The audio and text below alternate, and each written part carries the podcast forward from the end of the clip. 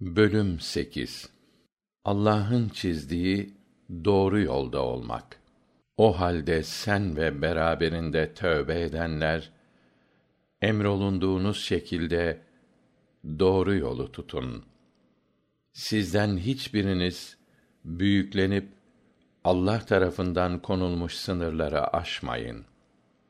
Çünkü unutmayın, yaptığınız her şeyi o görüyor.''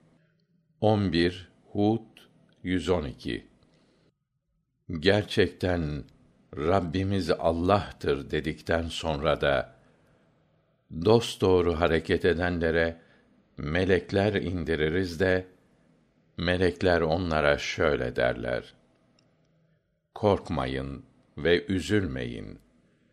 İşte alın size vaad edilmiş olan cennet müjdesini.'' Biz dünya hayatında da ahirette de sizin yakın dostlarınızız.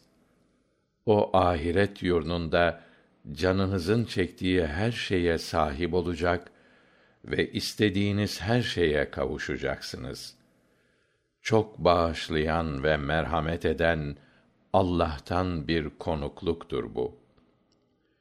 41 Fussilet 30 32 Rabbimiz Allah'tır deyip dosdoğru yol üzerinde durmaya devam edenler için korku yoktur ve onlar üzülmeyeceklerdir. Onlar cennetliklerdir. İşlediklerinin karşılığı olarak orada ebedi kalırlar. 46 Ahkaf 13 14 Hadis 85 Ebu Amr veya Ebu Amre Süfyan İbni Abdullah Allah ondan razı olsun şöyle demiştir.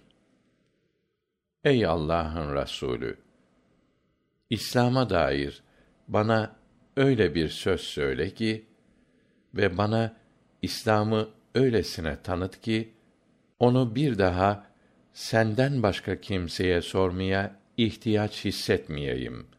Dedim. Rasulullah sallallahu aleyhi ve sellem de Allah'a inandım de ve dost doğru ol buyurdular.